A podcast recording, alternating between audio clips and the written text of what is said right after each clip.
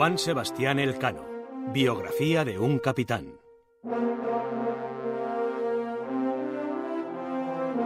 Capítulo decimoprimero. Badajoz. Juan Sebastián Elcano había hecho llegar al emperador un memorial en el que solicitaba diversas mercedes, incluido el hábito de caballero de Santiago, y prácticamente ninguna de sus peticiones fue atendida. Existe la sospecha de que quizás Pigafetta, el famoso cronista de la expedición, que por aquel entonces se encontraba en la corte, vertió graves acusaciones contra el capitán. No obstante, Juan Sebastián era una pieza muy valiosa por la experiencia del viaje y también porque era conocido por los reyes de las islas.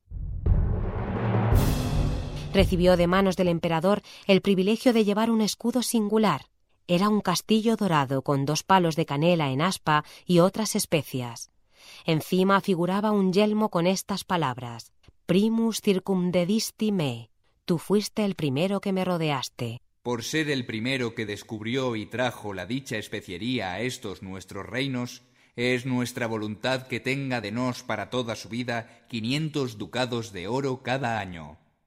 Esta cifra equivaldría hoy a unos 250.000 euros. Apenas tres semanas después, otros tres escudos semejantes al de Juan Sebastián fueron concedidos al barbero Hernando de Bustamante, al escribano Méndez y al maestre Miguel de Rodas. Un tema delicado preocupaba a Juan Sebastián, el delito que había cometido años atrás por haber vendido su nao sin cumplir con las leyes.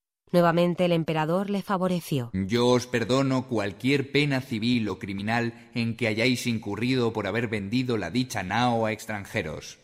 Las especias que trajo la nao Victoria se vendieron obteniéndose ocho millones de maravedís, unos diez millones de euros, una cifra fabulosa para una sola nao.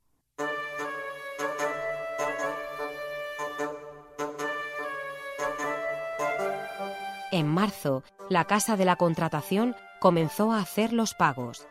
El más joven de los que llegaron a Sevilla con la nao Victoria, el paje Juan de Zubileta, que al partir tenía trece años, cobró cuarenta mil maravedís, unos cincuenta mil euros. Juan Sebastián, gracias al clavo que le correspondía como capitán de la nao, tuvo unos ingresos que superaron los seiscientos mil maravedís.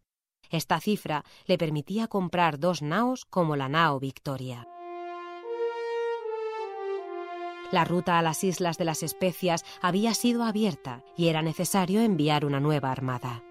Antes de que termine el año, con el parecer del Consejo de las Indias, Carlos V ordena fundar una nueva casa de la contratación para las especias en A Coruña. Desde allí partirá la nueva expedición. El capitán Artieta en Vizcaya llevaba tiempo trabajando en ello. El rey sabía que una hermosa nao se estaba construyendo en Bermeo. Yo tengo relación de que en la villa de Bermeo está puesta en astillero una nao de 350 toneles y de muy buena madera. Esta nao construida en Bermeo será la nueva nao Victoria. La llamaron así en honor de la primera. Artieta recibió el encargo de construir un total de cuatro naos para esta armada.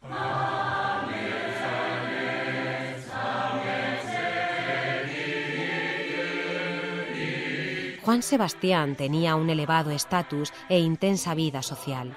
Basta echar un vistazo a su guardarropa. Más de 50 piezas que hoy nos parecerían de extraordinario colorido. Una chamarra de paño verde oscuro, un sayo azul de terciopelo plateado, un jubón de raso colorado cubierto de seda, un gorro francés con seda plateada.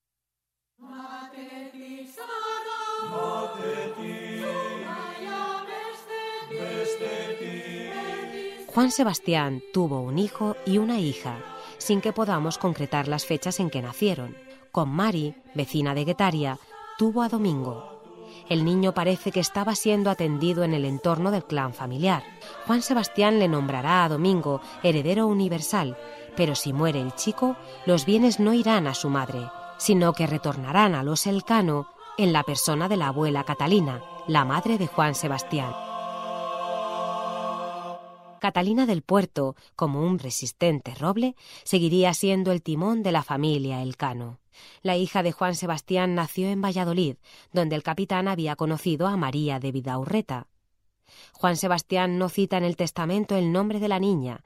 Quizás no la conocía.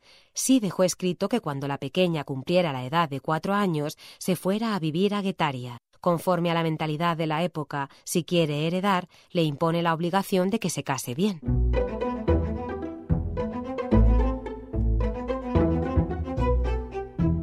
Las coronas de Castilla y Portugal disputaban por los derechos sobre las islas de las especias y decidieron solventar la cuestión pacíficamente en un encuentro en el que ambas coronas estarían representadas por las figuras más eminentes de las ciencias jurídicas y del arte de la navegación. El encuentro se celebraría en la frontera entre ambos países, en Extremadura. Allí estaría Juan Sebastián. Le acompañaban como testigos varios de los que vinieron con él en la nao Victoria. Juan de Arratia, natural de Bilbao, Juan de Zubileta, de Baracaldo, Pedro de Tolosa y el barbero extremeño Hernando de Bustamante. El 11 de abril de 1524 comenzó el envite. Entre la ciudad de Elvas y la ciudad de Badajoz estuvieron juntos y presentes los muy nobles y virtuosos señores. Los contendientes se encontraron en el lugar elegido, un modesto puente sobre el río que separaba ambos países entre las ciudades de Badajoz y Elvas. En el puente apenas cabían cuatro personas, y con no poco riesgo para su salud. Estando cada grupo de comisionados en la margen del río correspondiente a su país, leyeron en voz alta sus poderes y se procedió a los juramentos. Portugal defendía su derecho, sustentándolo en diez años de continuo comercio, sin oposición alguna. Replicaban los castellanos que una cosa es comerciar y otra muy distinta tener la posesión del territorio que Juan Sebastián había llegado a las Islas de las Especias siguiendo la ruta hacia el oeste y que cuando llegó a su destino certificó que no había ocupación efectiva de las islas por parte del rey de Portugal se discutía sobre la situación de las islas, sobre si estaban en la demarcación de Castilla o en la de Portugal. Habló el capitán Juan Sebastián, quien presentó una carta de mar y una esfera que fueron agriamente rechazadas por los portugueses, que presentaron las suyas. No obstante, resultaban tan desvariadas las de una parte con las de la otra que no podía ser sino que todas se hicieron a voluntad e interés del rey que las pagaba. Todos los cosmógrafos, astrólogos y navegantes castellanos a una dictaminaron que Maluco estaba dentro de la demarcación del emperador. La propiedad y señorío de los malucos pertenece a sus majestades de Castilla, y este es nuestro voto y parecer. Los comisionados de Portugal consideraron nulo el dictamen por haber sido adoptado por una sola de las partes. Aunque para los suyos Juan Sebastián era un héroe, él temía por su vida y solicitó licencia de armas para él y para otras dos personas que le acompañasen. A causa de que algunas personas os quieren mal, vos teméis que os herirán, matarán o lisiarán. Yo os doy licencia y facultad para que podáis traer armas ofensivas y defensivas. Parece verosímil que el riesgo al que aluden pudiera estar ligado precisamente al ánimo de venganza de los portugueses.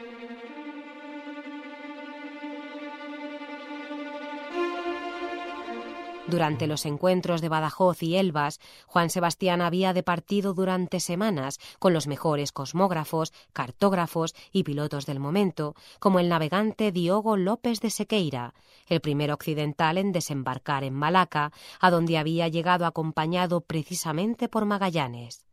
Estos contactos ensancharían sus horizontes.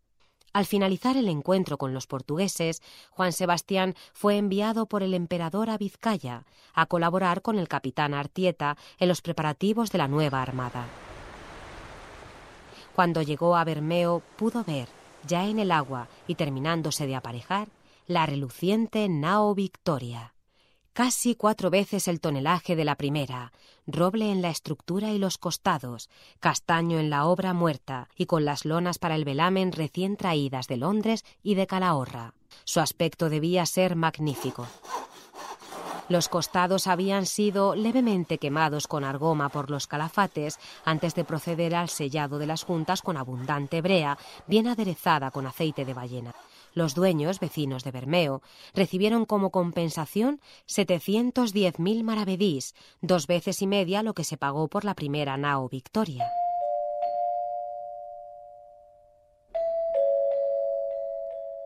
Para los pilotos se compraron sondas de plomo, ampolletas, agujas y ballestillas para medir la altura.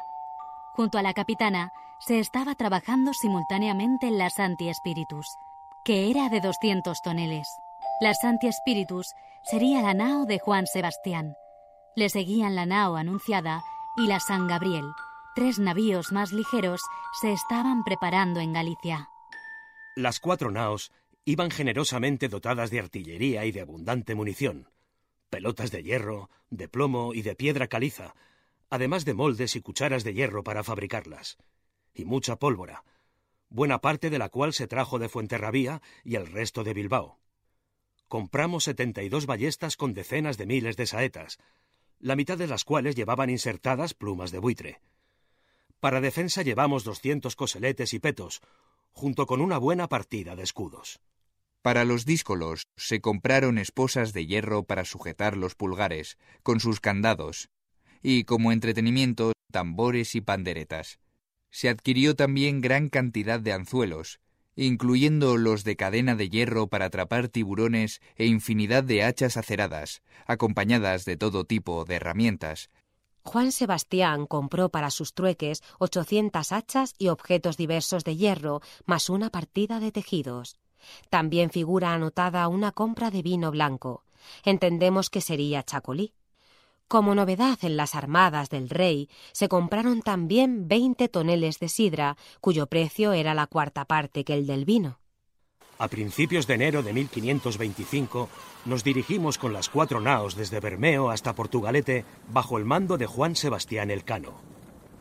No se separaba de él su criado, de 17 años, que respondía al nombre de Andrés de Urdaneta. En Portugalete completamos la armada hasta un total de 275 hombres, un centenar de ellos vascos.